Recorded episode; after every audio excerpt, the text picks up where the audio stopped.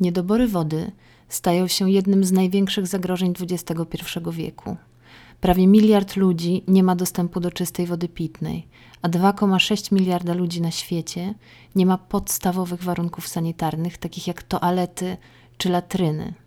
W ciągu najbliższych 40 lat zużycie wody w samym rolnictwie zwiększy się o 20%.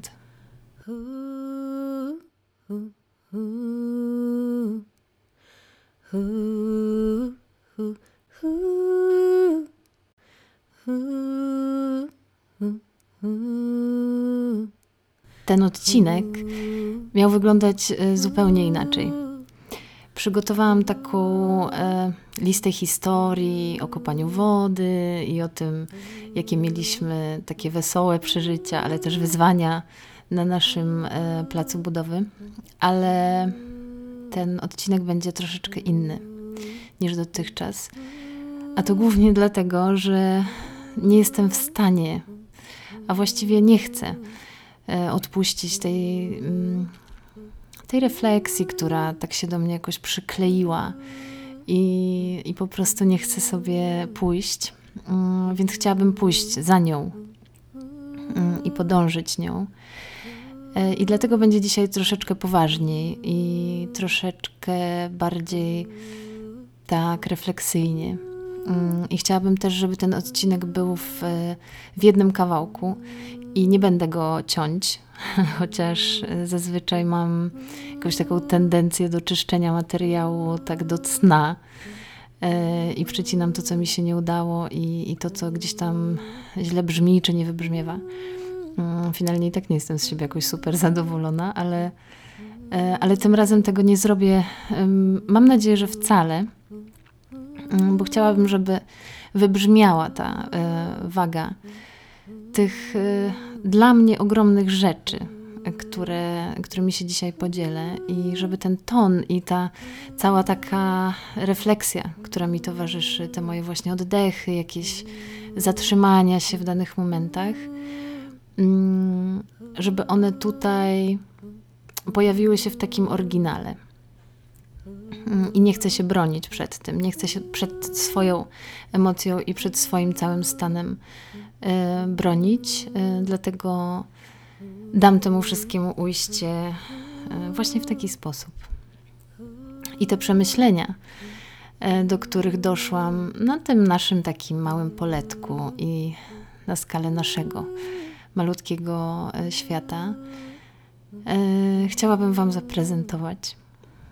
Dlatego będzie mi niezmiernie miło, jeśli posłuchacie tego innego zabarwienia prosto z naszego placu budowy, mm, którego, jak wiecie, ci, którzy budowali, ale też tacy świadomi e, odbiorcy, e, to wiecie, że nieodłącznym elementem e, taki, takiej inicjatywy są po prostu media, podłączanie się do mediów.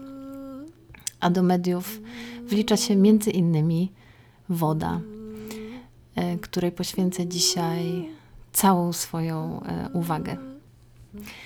Niektórzy z Was wiedzą już, a niektórzy e, pewnie jeszcze nie dowiedzą się dzisiaj, że studnie kopiemy samodzielnie, tak totalnie własnymi rękami. I słyszymy cały czas takie komentarze, i wszyscy się łapią za głowę, że mm, budowanie domu samodzielnie to jeszcze spoko. No nie jest to jakby nic super i dużo łatwiej jest e, oddać to w ręce ekipy mm, i mielibyśmy lżejsze życie. No ale już budowanie, e, ale już e, kopanie studni i robienie takich ciężkich prac, no to już chyba zwariowaliśmy. I, i no rady, które głównie słyszymy są takie, żeby wziąć po prostu studniarzy, przestać um, pajacować, dać sobie spokój. Ale my podjęliśmy taką decyzję, że będziemy kopać sami i wyjaśniając troszeczkę skąd to się wzięło, to, mm, to nie jest jakby działanie z takich względów ideologicznych. Ja też nigdy nie byłam taką e, przesadną aktywistką, tak jak e, no nie wiem, jestem na przykład wegetarianką, ale e, nie oznacza to, nie wiem, tak jak są takie ruchy, gdzie ludzie na przykład, no nie wiem, przebierają się w reklamówki nie? na święta Bożego Narodzenia i prezentują, że nie mogą oddychać jak karpie.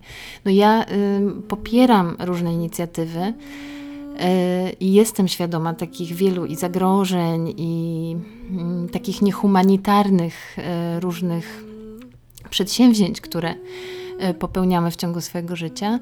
Natomiast nie angażowałam się nigdy w, jakoś tak aktywnie wiecie, z, nie biegam z transparentami. Jest, nie jest to moja forma ekspresji.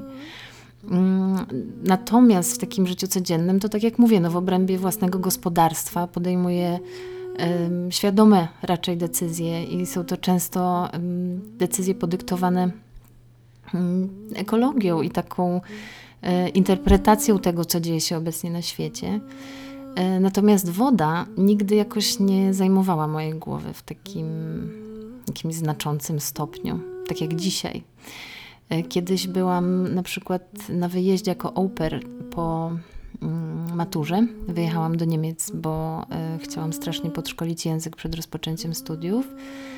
I Niemcy, no ja miałam tę mm, możliwość mieszkania mm, przez rok za granicą, akurat w Niemczech i poznania troszeczkę bardziej jakby ich kultury takiej codziennej.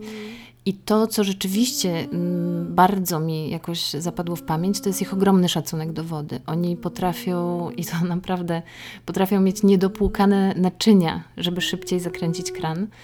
E, I ja z tej, wiecie, no, otwockiej dziury y, brałam sobie prysznicę po 20 minut, po 30 Mm, bo trzeba było golić nogi i pachy. E, I któregoś razu jakoś tak się zapomniałam w tym całym takim relaksie mm, prysznicowym, że przyszła moja tak zwana gastmuter Sandra, e, która zapukała po prostu do drzwi i powiedziała mi e, hasło myśl o wodzie. I ja wtedy się jakoś tak skrępowałam, szybko tam skończyłam prysznic, wyszłam. I minęło od tamtej pory 15 lat. I ja teraz dopiero rozumiem, co ona chce mi powiedzieć. I ta decyzja, jakby wracając w ogóle skąd, e, skąd e, decyzja o kopaniu studni, ona u nas jest podyktowana w znacznej mierze finansami. Nie będę tego ukrywać. Mm, jest też taki, mm, jakby taka wartość dodana, że e, chcemy troszeczkę więcej tej samodzielności nadać, takiego charakteru, że można, że nam się uda, chcemy podjąć to wyzwanie. Te głosy z zewnątrz, które mówią, no bez sensu to robicie, one działają jakby na nas tak motywująco wręcz, nie? A, a ja wam pokażę, że się da. Więc jakoś tak się zawzięliśmy i chcemy naprawdę jak najwięcej rzeczy mm, wykonać samodzielnie. I może to jest też właśnie jakiś taki nie wiem, element antysystemowy. E, w każdym razie na pewno nie, nie przyświeca nam taka myśl, żeby mm, sięgać po najprostsze rozwiązania i jak tylko powinie się gdzieś noga, to e, od razu zamawiać, nie wiem, no, studniarzy i, e, i prosić o taką pomoc, bo to jest proste wyjście. To jest coś, co to jest taka alternatywa, która jest cały czas. E, więc podjęliśmy te rękawice i już trochę to trwa. I ten proces jest tak trudny i tak nam nie idzie. Jest to też e, jakaś taka kumulacja. Jest taki film też, no i serial, seria niefortunnych zdarzeń, i myślę, że tutaj idealnie to pasuje. I to chwilami po prostu te niefortunne zdarzenia one zakrawają jakiś taki absurd wręcz i wydają się niemożliwe, że no, co jeszcze może nam tutaj um, podciąć skrzydła. E, I to jest naprawdę taka klasyczna sytuacja, gdzie wiatr w oczy. E, I mimo, że jakoś tak się przygotowaliśmy, w mojej ocenie dobrze, i merytorycznie, i technicznie, i zakupiliśmy właśnie sprzęt, E, I Marcin czyta cały czas i robi to też wieczorami, gdzie ja potrafię się położyć spać, a on do trzeciej, czwartej jeszcze zgłębia nomen omen tę te, te, tematykę całą, e, jak do takiej wody się dostać. I mimo to cały czas e, coś nie idzie. I to jest do tego stopnia, że w ostatnim czasie, zamiast cieszyć się jakoś z tego całego procesu, to te dni, w których y, rzeczywiście zajmujemy się studnią, y, one zaczęliśmy jakoś określać taką, znaczy te dni zaczęliśmy określać taką jakby mm, stratą. Dzisiaj nic nie zrobiłem. Znowu nic. Bez sensu tam dzisiaj pojechaliśmy. Cały czas jakoś tak zaczęliśmy się właśnie zatracać w tym, że to jest, że jest źle. I to też zaczęło nakręcać taką troszeczkę, powiedziałabym, panikę że przecież za chwilę jest zima, my jesteśmy w lesie kompletnym e, z domem. Postawiliśmy budkę, z której jesteśmy bardzo zadowoleni i to się nie zmienia.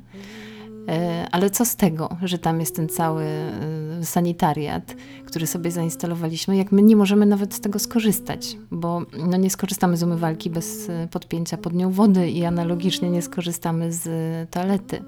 Więc to takie tempo tego strachu takiego rosnącego jakiegoś stresu spowodowały, że przyszła do mnie pokora. I zatrzymałam się na chwilę, tak dosłownie zatrzymałam się na, na działce, nad tą dziurą, którą mm, ona na ten moment ma 4 metry, 4,5 e, właściwie. To jest ta dziura e, w studni, nie wiem jak ją nazwać. No, studnia, jeszcze studnią nie jest. I stojąc tam, rozejrzałam się po, po naszej działce.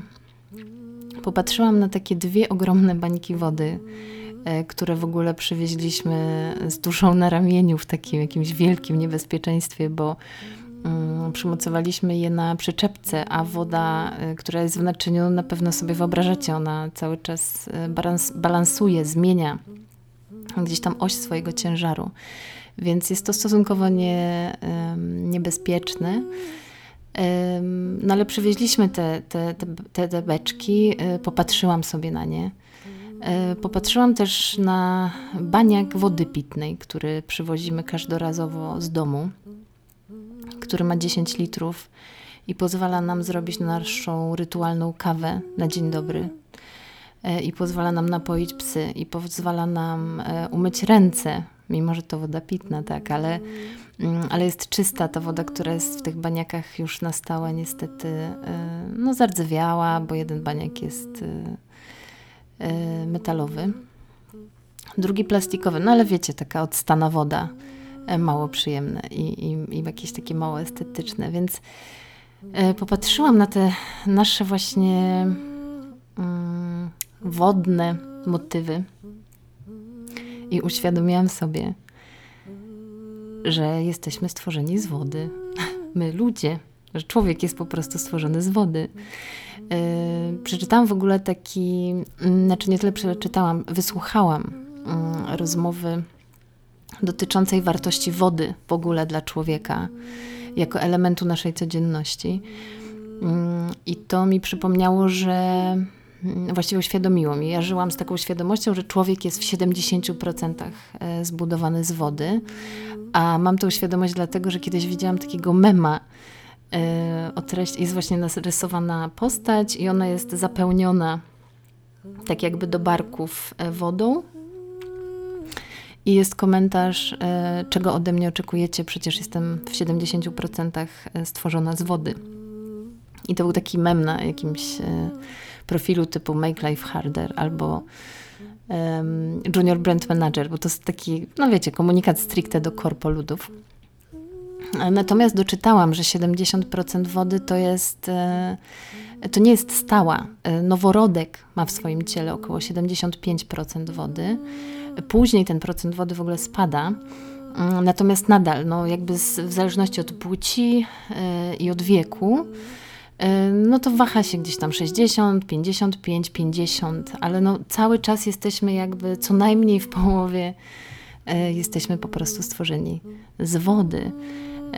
I też wszystko, co się odbywa w naszym organizmie, odbywa się właśnie w tym wodnym środowisku która też, nie wiem czy wiecie, reguluje, reguluje temperaturę naszego ciała, żebyśmy mieli te 36,6 na termometrze.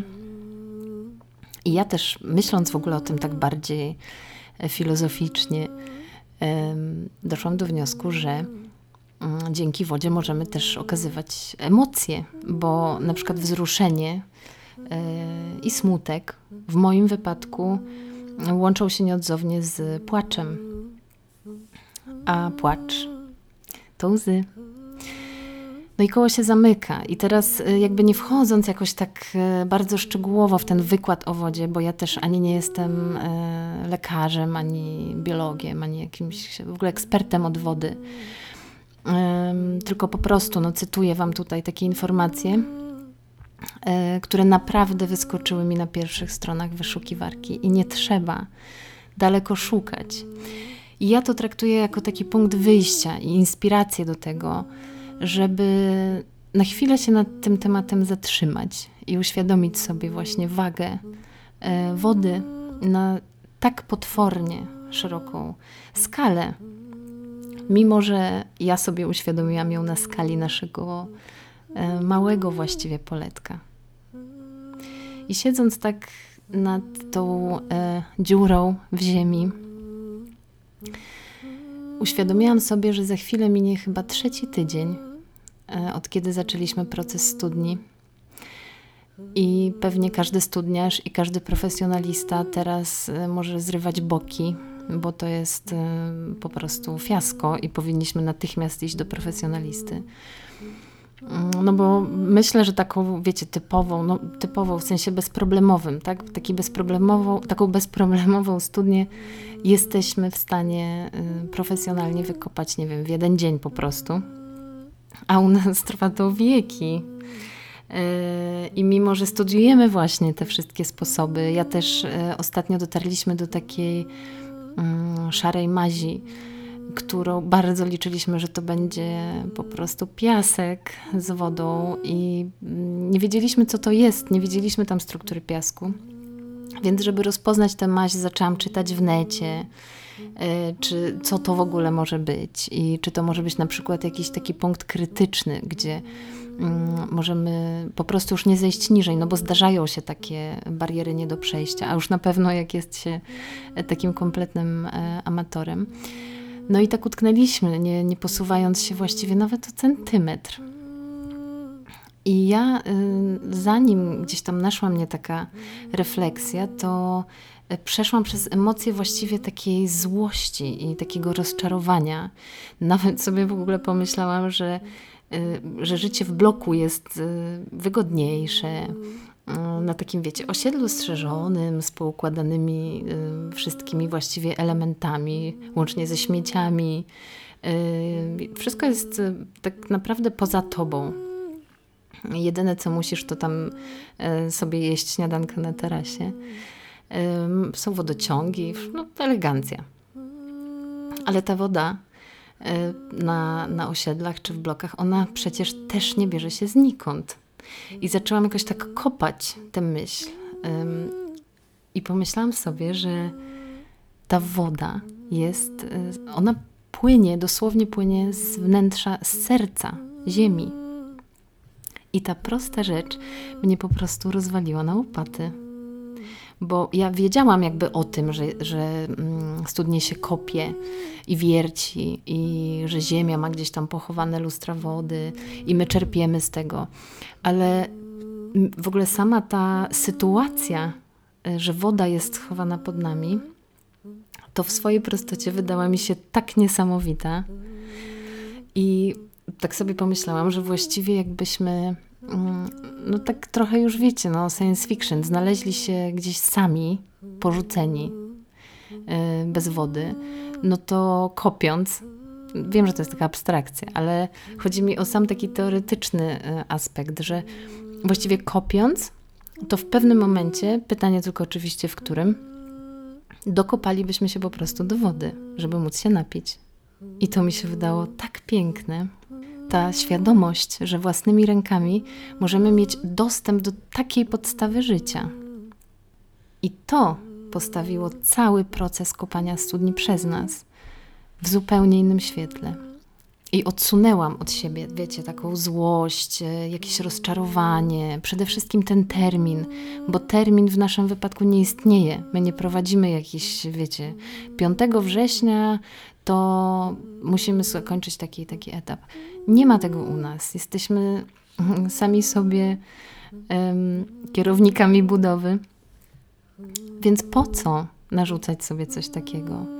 I wyciszyłam w sobie właśnie te złe emocje, a doceniłam chyba tą wartość, która właśnie z tego płynie. Dzięki czemu podeszłam do procesu z właśnie namaszczeniem i przewertowałam, jakby zainspirowana w ogóle tym, e, tą taką odkrywczością wody. Przewertowałam internet i zaczęłam czytać o kopaniu studni na świecie, no, co nie jest jakby żadnym rocket science, ten problem istnieje. E, I też kiedyś jako nastolatka miałam taką ambicję, żeby mm, jechać gdzieś tam do Afryki i pomagać ludziom. E, akurat nie w temacie wody, ale no byłam świadoma różnych jakby takich um, krytycznych punktów e, w naszej cywilizacji na całym świecie.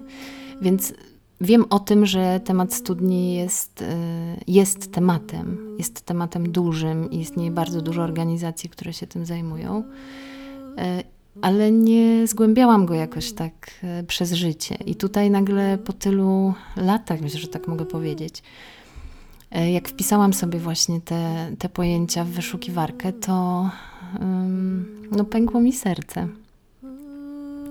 Bo te miejsca, które istnieją naprawdę, e, one potrzebują no, bardzo dużej świadomości z naszej strony i też e, pracy, no i też oczywiście pieniędzy i pomocy, jasne, ale to nie, nie jakby o tym chciałam mówić. Bardziej chciałabym się skupić na takim aspekcie świadomości. Mm, I poczytałam właśnie o miejscach, gdzie trzeba, wiecie, wiercić kilkaset metrów na przykład w litej skale, żeby w ogóle się dostać do jakiegoś potencjału wody. Mm, I tak jak mówię, poza tym, że ten proces jest wspierany e, przez różne organizacje i takie inicjatywy, no to są też sytuacje, gdzie, e, o ile dobrze pamiętam, Burkina Faso, e, to są takie problemy, gdzie woda nie nadaje się w ogóle do spożycia. E, no i to jest oczywiście z tytułu jakby dużego zabrudzenia i odbywają się albo wędrówki po wodę, albo ta woda jest jakoś uzdatniana. Jezu, jak ja sobie o tym myślę, że mi się chwilami, wiecie, nie chce 100 metrów przejść do sklepu a tam wędrują no, całe rodziny, całe osady z baniakami wody. I ludzie piją deszczówkę, mm, zbierają ją, później odfiltrowują, uzdatniają i, i, są w stanie jakoś tam z niej korzystać, ale ta ilość jest cały czas ograniczona. Mm, są też źródła wody, które się wyczerpują po czasie i trzeba mm, albo kopać od nowa w innym miejscu, e, szukać, wiercić i przechodzić cały proces E, albo są miejsca, gdzie na przykład trzeba e, poczekać na porę deszczową. Wyobrażacie sobie to na skalę swojego życia? To jest temat w teorii już tak przewałkowany w mediach i ja też jestem odbiorcą tych różnych kampanii E, i też zdarzyło mi się dorzucić swoją cegiełkę do różnych takich inicjatyw. Ale dopiero teraz, jak odpowiadam sobie na te proste pytania względem mojej egzystencji, mojej organizacji właśnie czasu, e, dopiero chyba do mnie to dociera. I co ciekawe, to z problemem wody wcale nie musimy wędrować tak daleko jak Burkina Faso, o której wspomniałam. I ja sobie o tym kompletnie nie zdawałam sprawy. E, I przeczytałam to właśnie też na jednej ze stron, że na przykład e, cały basen Morza Śródziemnego i Europa pustynnieją, więc e, ten temat to nie jest tak, że to nas wcale nie dotyczy. I przykładowo, E, na Cypr i do Barcelony, co mnie strasznie zdziwiło, bo też przecież byłam tam na wakacjach i ci ludzie funkcjonują normalnie, to jest taki sam świat i tutaj.